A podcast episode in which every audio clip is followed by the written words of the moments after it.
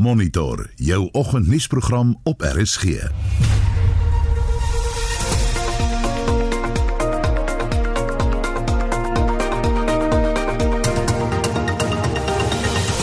die program die drukgroep Corruption Watch skryf 'n skerp bewoorde brief van president Cyril Ramaphosa oor korrupsie. We urgently call on the president and the minister of finance to demonstrate bold leadership and the political will required to ensure that the redrafting process of the procurement bill is rigorous, participatory, and decisive. Na 7 kyk ons na plaasaanvalle en ook of 'n parlementêre debat die saak kan help. En 'n wiskundebegaafde in Indië wys sy staal nadat hy 'n goue medalje in 'n internasionale kompetisie gewen het. 21, 42, 63, 84, 105, 126, 147, 168, 189, 210, 231, 252, 273, 294, 315, 336, 357, 378, 399, 424, 41, 462, 588, 609, 630, 651, 672, 693, 714, 7798, 819, 840. Kom ek praat bietjie stadiger. Goeiemôre. Ek is Gustaf Vreiling. En my naam is Anita Visser. Welkom by Monitor.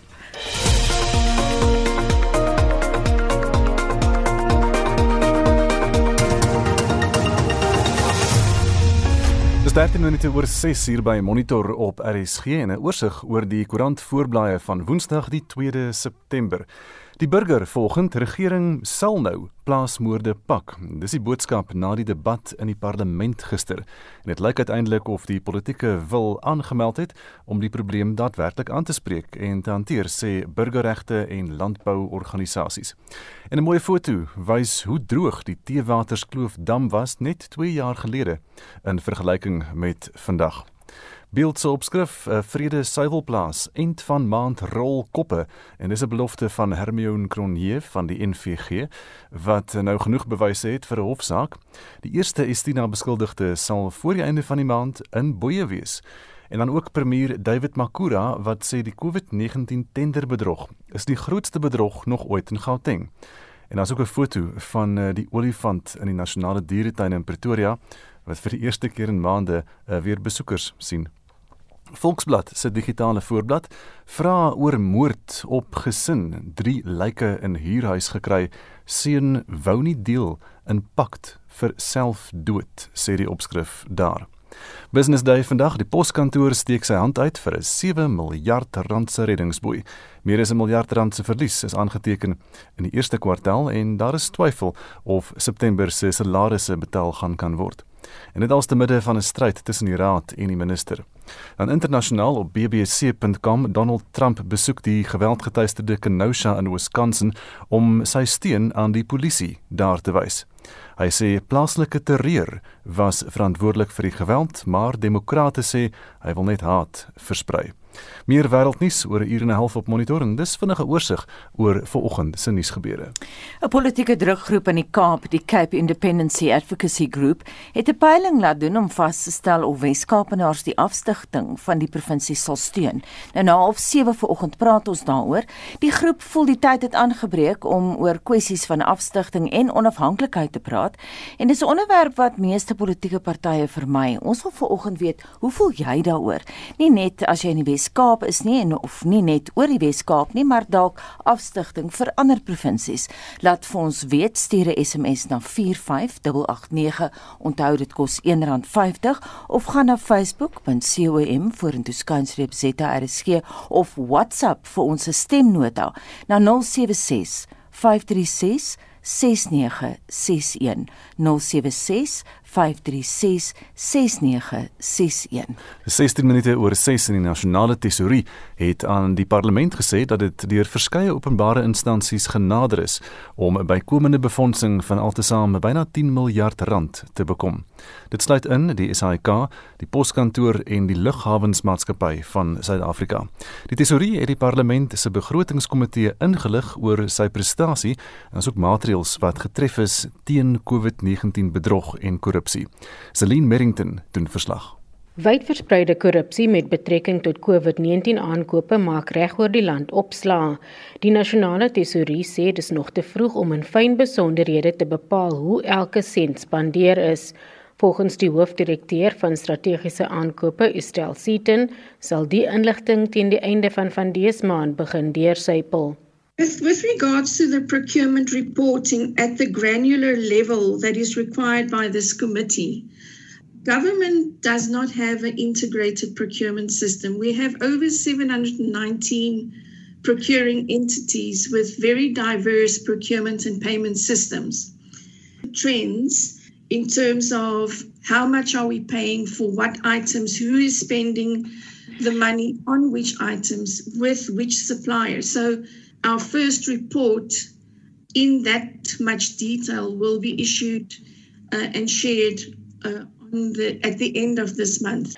Sien het bygevoeg dat die tesourier wel riglyne voorgeskryf het oor hoe COVID-19 aankope moet plaasvind. National Treasury did provide maximum prices throughout the process and even in one of the instructions we allowed for a 10% variance to cater for geographical differences. And I think there it might have been that some departments could not get the, the commodities at the at the prices due to supply and demand differences in that specific geographic area or it might have just been ignorance. Die tesourier het ook aangedui dat verskeie regeringsentiteite aan die deur kom klop het vir ekstra befondsing Onder andere het die SAIK gevra vir 1,5 miljard rand en die poskantoor vir 4,9 miljard. Die hoofdirekteur verantwoordelik vir staatsentiteite, Ravesh Rajlal, verduidelik hoekom die entiteite nie uit die knyp kan kom nie. There were turnaround plans that were that were you know that were drafted uh, by the different management teams and there were funds provided. But the unfortunate uh, issue here is that most of these plans for these entities were not implemented. And, and, and, and maybe just to highlight the effect of the recapitalizations that were, that were provided. I mean, you know, since 2001, there's been 187 billion rand that's been provided in terms of recapitalization. I think since 2006, um, we're looking at about 11.1 billion that's been, uh, you know, that's been provided to the post office. But we still find the post office in the same situation where it was before, where they have not really turned the corner in terms of uh, its turnaround plans and actually implementing it. Dit was die hoofdirekteur verantwoordelik vir staatsentiteite Ravesh Rajlal, Zelin Merrington parlement. Corruption Watch South Africa het gister 'n oop brief aan president Cyril Ramaphosa en die minister van Finansies gerig waarin hulle versoek word om die verloop van die wetsontwerp op openbare verkryging in die parlement te bespoedig. Die hoof van die regs- en ondersoekafdeling, Karam Singh, voer aan dat die bestaande wetgewing vir die staatsverkrygingsbestel ruimte laat vir bedrog. Hy beskuldig die regering daarvan dat hy sy voete sleep om die soort korrupsie hok te slaan. Mitsi van der Merwe het meer. Die hoof van die regs- en ondersoekafdeling by Corruption Watch South Africa, Karam Singh, het 'n gedeelte van die inhoud van 'n onlangse brief van president Cyril Ramaphosa, sowel as 'n openbare uitspraak deur Tito Mboweni opgediep. Attempting to profit from a disaster that is claiming the lives of our people every day is the action of scavengers. Minister Mboweni has spoken about thieves waiting at the door after announcing his COVID 19 adjustment budgets. The majority of the corruption that's been exposed during the pandemic has been through the procurement processes. Our organizational work involves analyzing the public procurement sphere, and it is clear that significant weaknesses exist in the system that enable and facilitate widespread corruption. Sing het die regering oor die vingers getik en hulle daarvan beskuldig dat hulle voete sleep om die staatsverkrygingsbestel vinnig reg te ruk. We do not see any urgency from government or commitment when it comes to focusing the public mind regarding what's required to reform this system. We urgently call on the President and the Minister of Finance to demonstrate bold leadership and the political will required to ensure that the redrafting process of the procurement bill is rigorous, participatory, and decisive, drawing upon inputs from all sectors of government and best practice when it comes to transparency and the promotion of accountability in the area of public procurement. Sing dit ook die belangrikheid beklemtoon van 'n inklusiewe benadering deur die regering in sy poging om korrupsie te stop. While the process will be driven by National Treasury, civil society and other public bodies must be involved in these discussions. We do not see that urgency at the moment, and we call upon the Cabinet to urgently look at the issue around the redrafting of the public procurement bill. Karam Singh is die hoof van die regs- en ondersoekafdeling by Corruption Watch Suid-Afrika. Mitsi van der Merwe, SAK nuus. Dis nou 625 'n universiteitsgegradueerde in Indië het die wêreld se vinnigste menslike sakrekenaar geword. Hy het die eerste goue medalje vir Indië in die hoofrekenkunde wêreldtoernooi gewen. Die toekenning val saam met 'n rolprent oor 'n ander Indiese hoofrekenkunde towenaar, Shakuntala Devi, wat selfs rekenaars met haar verstandelike vermoëns kon uitstof. Nilakanta Banu Prakash het 30 deelnemers van 13 lande gewen om die titel by die Bruinsport Olimpiade in Londen verlede maand te wen. Nou hoop die 21-jarige om 'n wiskunde laboratorium te begin wat miljoene Indiese skoolkinders sal help om wiskundeprobleme sonder inspanning te kan oplos. Let's use math to understand the world around us because children are good observers and when the definition of math education changes I think everyone can have an experience like mine and do excel in in this field which which usually are people are extremely scared about. It's because math is promoted as an as a science and not an art form because not a lot of people are scared of language or painting. Dit was weens 'n ongeluk toe hy 5 jaar oud was dat hy 'n jaar lank bedlend was. Dit het sy seëgetog van 4 wêreldrekords en 50 toekenninge deur die wêreld van die wiskunde begin. Hy glo nou dat wiskunde die sleutel is om Indië op die wêreldkaart te plaas. Math is good brain food and it's like the push-ups and pull-ups for what we would say the journey of brain gym is and that's what i as an individual as someone who has won this championship my bigger cause and from the smaller achievement i say that the long long shot ahead is to make this brain training a popular culture and make people understand that math is an enabler Hy vergelyk hoofrekening met 'n naloop. In demonstrasie het die menslike rekenaar die syfer 21 lukraak gekies en toe 40 keer binne net 20 sekondes opgetel.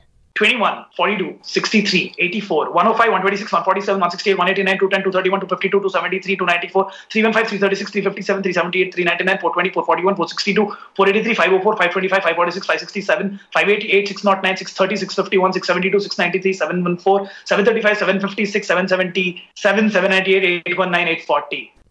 Prasad het die titel gewen net na Amazon Prime 'n biografiese rolprent oor Shakuntala Devi vrygestel het. Devi het alom bekend geword na sy 'n rekenaar in die 1980s geklop het. What Shakuntala Devi's done for me is rekindled my love for numbers, made me realize that maths isn't everything. Even when we say reduce it one or two points, there's maths in there's maths in music, there's maths in everything. So I wish if we knew this, that maths was taught from that perspective, we would not be so scared. तीन ताल मिले धुन बने गाने की दुनिया है सारी नंबरों से बनी बक्से से बाहर निहार हम नज़र अभी कीड़े किताबी टेंशन मत ले यार बोलो बेटा एक दो तीन चार Dit was die Bollywood aktrise Vidyan Balan wat die rol van Shakuntala Devi in 'n nuwe rolprent vertolk. Hierdie verslag van Rana Sen in New Delhi en ek is Hendrik Martin vir SAK nuus. Jy luister na Monitor elke weekoggend tussen 6 en 8. Sopas half 7 en in die nuus die adjunk president David Mabuza gaan in sy kapasiteit as die tussentydse voorsitter van die ministeriële komitee oor grondhervorming en landbou met plaasgemeenskappe vergader om die voorkoming van plaasaanvalle te bespreek. 'n Petisie is geloods teen 'n Hooggeregshof uitspraak wat die Madrasa Talimuddin in Durban se oproep tot oggendgebed stilgemaak het. Certainly there are constitutional implications and people are quite shocked and sad. But what's really beautiful is the reactions on social media and on the ground. very supportive comments and initiatives to promote an understanding of the prayer as well as to stand in solidarity with each other. En Eskom sal van 8uur vanoggend af weer fase 2 beurtkrag hervat te midde van voortgesette druk op die kragnetwerk. Bly ingeskakel. Daar is geen verkeer. In Johannesburg vanoggend. 'n voertuig wat staan op die N1 noordwaarts net voor Rivonia weg, die linkerbaan. Daar is uh, versper en dan Kaapstad toe. Daar was 'n noodlottige ongeluk gewees. Die R300 se oprit na die N2 toe is gesluit volgens as gevolg van hierdie botsing uh, op die N2 inwaarts natuurlik en dit lyk nogal taamlik erg die ongelukstoneel daar so dit gaan 'n groot oponthoud veroorsaak daar by die R100 R300 en die N2 wat bymekaar kom. In KwaZulu-Natal 'n voertuig staan op die N3 Wesvaarts na die EB Kloete wisselaar. Die linkerbaan is daar versper. En dan steeds in Kaapstad is die N2 inwaarts by Botchet Quarryweg. Daar is 'n obstruksie en die regterbaan is gesluit daar in die pad. Dan kyk ons na uh die R300 suidwaarts. Ja, dis 'n ongeluk daar. Dis die groot storie in die Kaap vanoggend.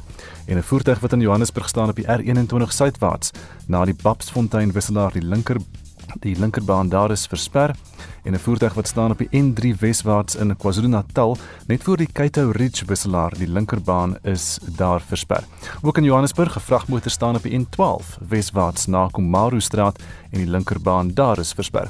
As jy weet van enigiets anders, dan kan jy vir ons 'n SMS aanstuur na 45889 en dit kos R1.50. Estie Anita Heinstein laat weet vir ons ek sal die Wes-Kaap ondersteun as hulle onafhanklik wil wees van die res van Suid-Afrika as dit beteken ek hoef nie onder die ANC te lewe nie sonder die skelm greep wat ons nou beheer. Faitjie Verset skryf vir ons sopas het 'n groep swart mense 'n stuk grond gekoop om vir hulle selfbeskikking te hê in Georgia in die FSA. Dis mos hulle reg. Hoewel Orania nie vir my sal werk nie waar daar net een groep mense woon nie stem ek 100% vir 'n afgestigte Kaap. Ons het ons eie kultuur en so kan ons ook misdaad beter bekamp en ons eie ekonomie bestuur 'n duisend keer. Ja. Kom ons luister nou wat een van ons luisteraars te sê het. Goeiemôre, dit is Jon wat hier praat. Ek bly in Gauteng. Ek is 'n Suid-Afrikaner en ek voel elke deel van die land behoort ook aan my want ek is 'n landsburger. So ook dan nou die Wes-Kaap uh as mense nie gelukkig is om deel te wees van die breëre geografiese Suid-Afrika nie regtig ouens hoekom emigreer julle dan nie? Ons leef in 2020 en ek dink regtig nie dat ons hierdie volksstaat idees wat by mense opkom omdat hulle ongelukkig is met die landsregering dat ons dit kan toelaat nie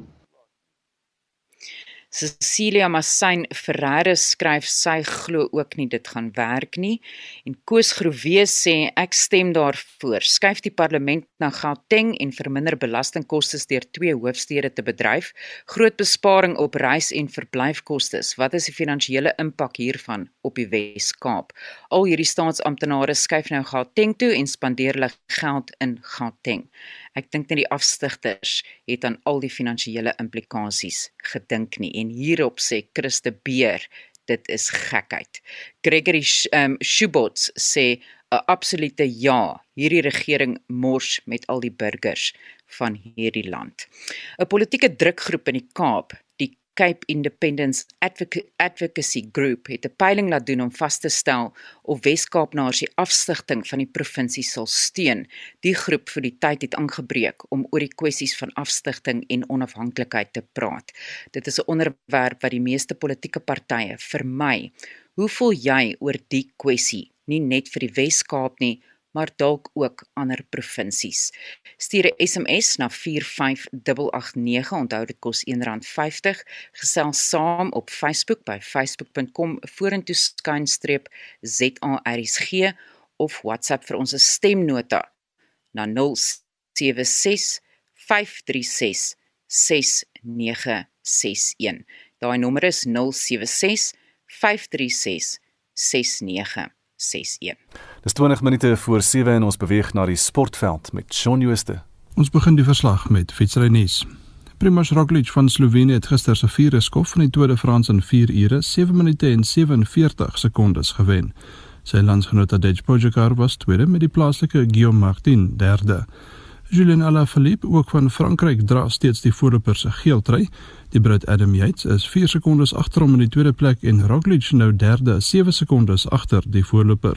Die verdedigende kampioen Egan Bernal van Colombia is 6ste en Suid-Afrika se Darryl Impey 117de. Vandag se vyfde skof is 183 km lank. Op die cricketveld het die T20 reeks tussen Engeland en Pakistan met 1 elk gelyk opgeëindig nadat die besoekers met 5 lopies in gister se derde en laaste wedstryd geseëvier het. Pakistan het 190 vir 4 op die tellbord geplaas en die tuisspan tot 185 vir 8 beperk. Mohammad Hafiz het 86 vir Pakistan aangeteken. Onthou gerus dat die T20 reeks van 3 wedstryde tussen Engeland en Australië Vrydag in Southampton begin.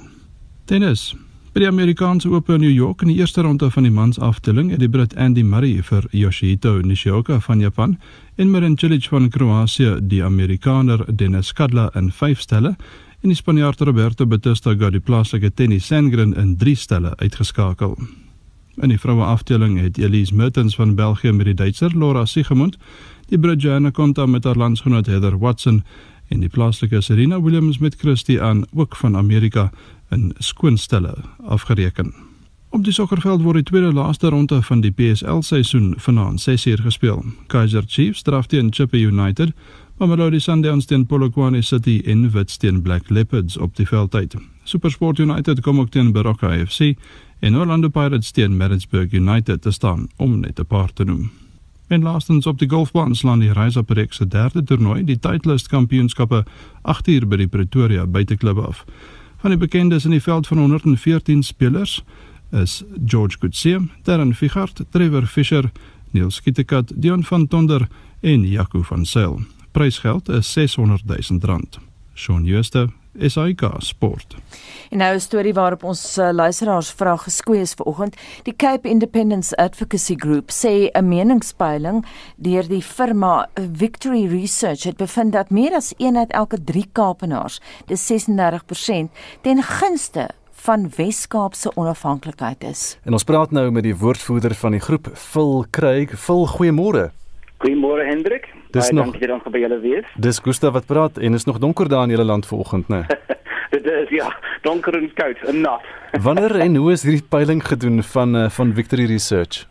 Uh, hulle het dit gedoen in die laaste week in Julie maand. Uh, en dan ons het 'n bietjie uh, weer die nommers gewerk en en 'n paar van die syfers uitgestuur, uh, maar ons het dit uh, bekend gemaak aan die aan die media gister. Dis 'n indrukwekkende syfer vir eenheid elke 3 Kaapenaars, maar wat van die ander 60%?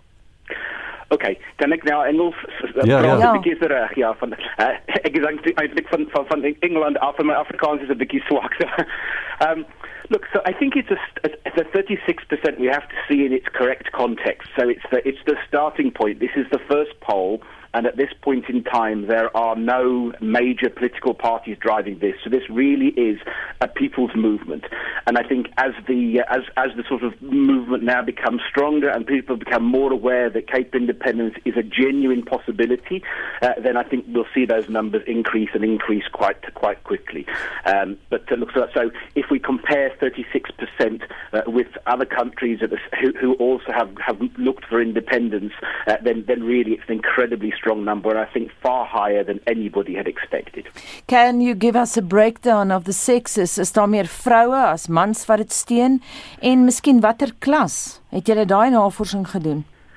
Uh, so, so we haven't specifically looked at that. We did have the numbers for, for, for men and, and women, and they, but they were broadly the same. There wasn't a big difference between that. More than anything, we looked at the difference by political party uh, and also uh, by race. They were probably the, the, the two subgroups that we did the most investigations with. Hoekom steun julle as 'n organisasie die onafhanklikheid? Wat is die redes daar agter? So we just want democracy, is the honest answer. So you've got this situation where, where the Western Cape, uh, from the from 1994, from the dawn of democracy, has always wanted something fundamentally different from the rest of South Africa, and that has never gone away. So so we have a situation where the the people in the Western Cape keep voting for one government and one system of government, more importantly, broadly as a capitalist free market government, uh, and we keep getting a, a socialist centralised government. Um, and then you have this really scary statistic that actually, if you if, you, if every single person uh, since 1994 in the Western Cape had voted for the DA, the, the, the largest party currently, they'd have still got the ANC every year for 26 years. So the, the people of the Western Cape don't really have functional democracy. You know, what, what doesn't matter who we vote for, we get what South Africa wants, and, and fundamentally, we just want to have a voice, and we want the people of the Western Cape to be able to choose the government that they want, whoever that may be, whilst we respect the right for South Africa to choose the government that it wants. Vol, hoe prakties sou afskeiding wees vanuit 'n ekonomiese oogpunt? Well, look, to be honest, the, the one thing that, that, that all economists I've spoken to, and I've spoken to a number of leading economists, are in absolute agreement is, is that the Western Cape would flourish and thrive as an independent country. So uh, there are two provinces in South Africa that, that, that subsidise the rest of the country. Gauteng is one, and the Western Cape is the other. And the Western Cape uh, produces 13.9% of South Africa's GDP. It houses uh, 15% of uh, South Africa's taxpayers. It's only got 11.2% of the population, uh, but it only receives 10.1% of, of, of government allocation of funds to the provinces. So, so the Western Cape is paying in 13.9% and it's getting 10.1% back out. So, so instantly it will be better off. But I think that is just the thin end of the wedge because obviously we've got all of these uh, government policies that, that are very restrictive around the economy. And as one, one economist said to me, look, you know, you have to see this, that, that suddenly the West, an independent Western Cape would become effectively a, a special economic zone uh, and, uh, you know, would absolutely thrive. So, so from that point of view, there's no question that the Western Cape not only would, uh, would be viable, but actually would be far better off and the people therein. Dis baie interessant. Phil, jy kom nou self van Brittanje af en daar is die situasie met Skotland natuurlik ook. Is uh, in, in Skotland se geval gaan dit juis gaan hulle op hulle eie ekonomies sukkel want hulle word gekruis subsidieer deur die Westminster uh, regering van Londen se kant af. So jy sê dit gaan nie so wees hier nie. Yeah, look, so, so it's interesting. Actually, Scotland is probably the closest example to Western Cape independence. The parallels are striking. Both countries have got six million people. Uh, both countries uh, yeah, reached uh, reached an agreement with uh, with with the British government after a period of conflict. Uh, in both situations, the the majority government in the parent state is a minority government in the in the territory that wants to secede. Uh, both have got provincial parliaments that were created in the 90s. So there's great parallels, great parallels across those two. In Scotland, look, the Scottish economy is bigger than the Western Cape economy, so I don't, I don't think there's any question that Scotland can't survive economically. Um, but, I, but, but, but it, it, Scotland is, to a degree, I think, subsidised from the UK, which isn't the case for, for the Western Cape. Um, but again, in comparing uh, economy, economy sizes, what's very interesting is the Western Cape economy, as it currently stands, is equal in size to the Namibian economy, the Botswana economy, and the Zimbabwean economy combined. So those mm. three countries together is the size of the economy that the Western Cape economy already is. Daar's nog 'n parallel waarvan jy dalk vergeet het, is teenstand van die sentrale regering. Londen wil nie afskeiding hê van Skotland nie en mens kan nie verwag dat Pretoria sal sê wel gaan julle eie roete nie, want wat gaan dan van ander provinsies gebeur? Sure. Okay. Well, I, ironically, uh, London hasn't really stood against it. So one of the interesting things is is that the the the the, the um, government, the UK government in London, actually has been very democratic in so much as when uh, the Scottish National Party uh, got 20% of the vote, the the British government recognised that there was a groundswell of opinion for for independence in Scotland, and then granted voluntarily granted them a referendum, uh, which subsequently you know people voted to stay in the mm. union. I think it was 45%. Mm. Uh, but I mean, so, so at 20%, the UK government gave Scotland a referendum. The Western Cape is already at 36%. Uh, and I don't think at this point in time the ANC government is about to give us a referendum. so, uh, so they're different. Look, so I think you know how the how the ANC and how the central government of South Africa will respond to Cape independence is is is something of an unknown, and I think that's going to depend upon political uh, pressure. I don't think they obviously are going to want uh, the Western Cape to break away. There are some interesting uh, um, uh, suggestions uh, that uh, that as the ANC supports wanes in the rest of South Africa, that there may be some benefit to the ANC from the Western Cape breaking away because effectively it would hold them above 50% in the rest of the country. Um, but I think, uh, look, I, I think this will depend on, on the will of the people. Yeah, ultimately, Western Cape independence is about what the people in the Western Cape want, not about what South Africa wants. And if we get to a time where the majority of the people in the Western Cape want an independent country, then that's their right, and, and then South Africa will just have to find a way of accommodating that. And I think that will come from a mixture of, of people power, which is what we have now, people wanting this, um, and, and clearly there'll be some degree of international support as well, you know, other countries that are sympathetic. And if you end up in a situation where there's a disagreement between the Western Cape that wants independence and uh, South Africa that doesn't want it to have independence, then the way these things work is that the international community will effectively become the arbiter. And, and, and if other major nation states are willing to recognize the Western Cape as, a, as an independent country apart from South Africa, then, uh, then the South African government will then just have to, have to accept that. Kry daar's 'n ander probleem. Die politieke dinamika self in die Weskaap met die politieke partye wat daar is eh, wat dan die volgende verkiesing gaan gaan dalk beveg en jy sê die DA gaan sy posisie as leier in die provinsie verloor as hy die onafhanklikheid teenstaan. Maar die DA is ook op nasionale vlak uh, in verkiesings betrokke waar waar hierdie idee nie goed gaan wees vir hom nie Yeah, look, uh, look, and I have some sympathy for, for, for the DA, and I guess they are now in a in a situation that they that they often accuse the ANC of doing. So, that, so, that, so the DA have been very quick and rightly so to accuse the ANC of, of putting uh, party before state. Um, and I think from a Western Cape perspective, that, you know, the DA have to be very careful that they don't put party before province because you know, it's the people of the Western Cape that elected the DA to be the provincial government, not South Africa. And if the people of the Western Cape want to have a, DA government and they want to have independence, uh, then and, and we know from this poll that 53% of DA voters want outright independence, 64% of them want a referendum on independence. Um, so I think you know the DA can't just fly in the face of its own voters, and I think if you know if, if, if in the Western Cape, and if it does, it's going to be in difficulty. And I think that was a mistake the DA made at the last election, ignoring its own voters. And I think they're going to have a challenge here. And we and we know that other political parties are going to be standing on on an independence ticket. So mm. so there's going to be a challenge for for the DA here. And I think potentially, you know, they're going to have to think through what the options are my suggestion to the, to the, to the DA would, would be, in all honesty, they're not going to be the national government of South Africa in the foreseeable future. I think we all accept that. And as much as they sort of tout this line of, of coalition uh, uh, government and coalition politics, coalition politics has been an outright disaster for, for, the, for the areas where the DA is governed. Um, and that you know all of them have collapsed or are in deep trouble. And I, you know, one of the interesting statistics that came out of this poll is the number of people inside the Western Cape who support independence is almost exactly double the number of people outside the Western Cape who support the DA. So there's far more support for independence than the DA. Uh, yeah, when, when you make that comparison, and I think perhaps that they need to consider if they if they govern an independent Western Cape and they govern that country well, and uh, the, uh, the the economy uh, flourishes and, and people really start to get out of poverty and we start making meaningful uh, dents in, in, in the, the, the quality of people's lives. That the, the, the rest of South Africa has to watch that, and I'm not convinced that the DA will be weakened by, by governing an independent Western Cape well. Arguably, they'll be incredibly strengthened, and people can see what a good government actually looks like. Phil Baie, dankie. Phil Craig is die woordvoerder van die Cape Independence Advocacy Group. En van die moederstad gaan ons na Durban. 'n Petisie is aanlyn geloods teen 'n Hooggeregshof uitspraak wat die Madrasa Talimudin in Durban se oproep tot oggendgebed stilgemaak het. Die oproep, bekend as Azan, kan dikwels vroegoggend in die omgewing van 'n moskee gehoor word.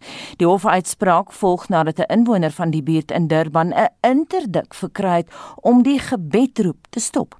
Hy het gesê dit steur sy vrede. Mitsi van der Merwe het meer. Die stryd woed reeds sedert 2004 tussen die Islamse Instituut in Isipingo Bay en 'n inwoner. Die Durbanse aktivis Shabnam Palisa Mohammed glo dat die uitspraak verrykende gevolge kan hê. What it means is that Next, we could have a precedent for church bells, temple prayers, and all religious gatherings to be silenced. But also, any person who is hypersensitive to sounds could apply to the court and ban children from playing into the rise of music and to mute our cheers over games of soccer, cricket, and rugby, which would lead to a very dull and color drained world. Certainly, there are constitutional implications and people are quite shocked and sad. But what's really beautiful is the reactions on social media and on the ground. very supportive comments and initiatives to promote an understanding of the prayer as well as to stand in solidarity with each other. Shabnam Mohammed sê daar sal uiteraard grondwetlike regsgevolge wees. But what's really beautiful is the reactions on social media and on the ground. Very supportive comments and initiatives to promote an understanding of the prayer as well as to stand in solidarity with each other. So I just want to highlight the unity that has surged due to this case. This is the country we know and we love. Die optrede volg op die suksesvolle interdik In August 2020, Mitzi, a KwaZulu-Natal High Court granted an interdict ordering a Muslim religious school in Isipingo, Durban, to ensure that its calls to prayer, in Arabic the azan, are not audible to a neighbor in the area. The neighbor, of course, being the person who brought the application to the KZN High Court. Mohammed het nou 'n smeekskrif teen die uitspraak saamgestel. The petition is entitled Let the Azan Be Heard and Support Religious Freedom in South Africa. I felt it was important for us as South Africans coming out of a painful history and now 26 years into our democracy to stand with each other and our right to religious freedom. The impact of this judgment, which will be appealed, is being felt across all religions, cultures, and communities. Many are being reminded of apartheid. Because of the restriction on religious practice, the applicants request that the school be sold and the implication that Muslims should leave the area. Volgens haar gebeur hierdie tipe aansoeke teen die gebedsroep boonop nie net in KwaZulu-Natal nie. Meanwhile, Mitzi, complaints against the Azan are also being heard in Cape Town and Johannesburg. So many Muslims are feeling very unwelcome in this country that they strive to build. Um, and we've lived in harmony for many centuries as we struggle through the lockdown together. It's critical for us to support each other with compassion, wisdom, and understanding. Ultimately, as Africans, we believe in Umuntu, Gumuntu, Gabantu. We are because of each other. Die petisie word sedert Sondag 30 Augustus gesirkuleer en bied ook oplossings vir hierdie probleem. And we're almost at 200 to provide some practical solutions as to what civil society can do to support the Azan and to protect the right to religious freedom. There are seven different options in which people can help signing and sharing the petition, writing to the CRL, the Human Rights Commission, the Chief Justice, the Minister of Justice, Parliament, and the President. And of course, sharing with people the significance and the meaning of the Azan. I think sometimes people are afraid of what they don't understand.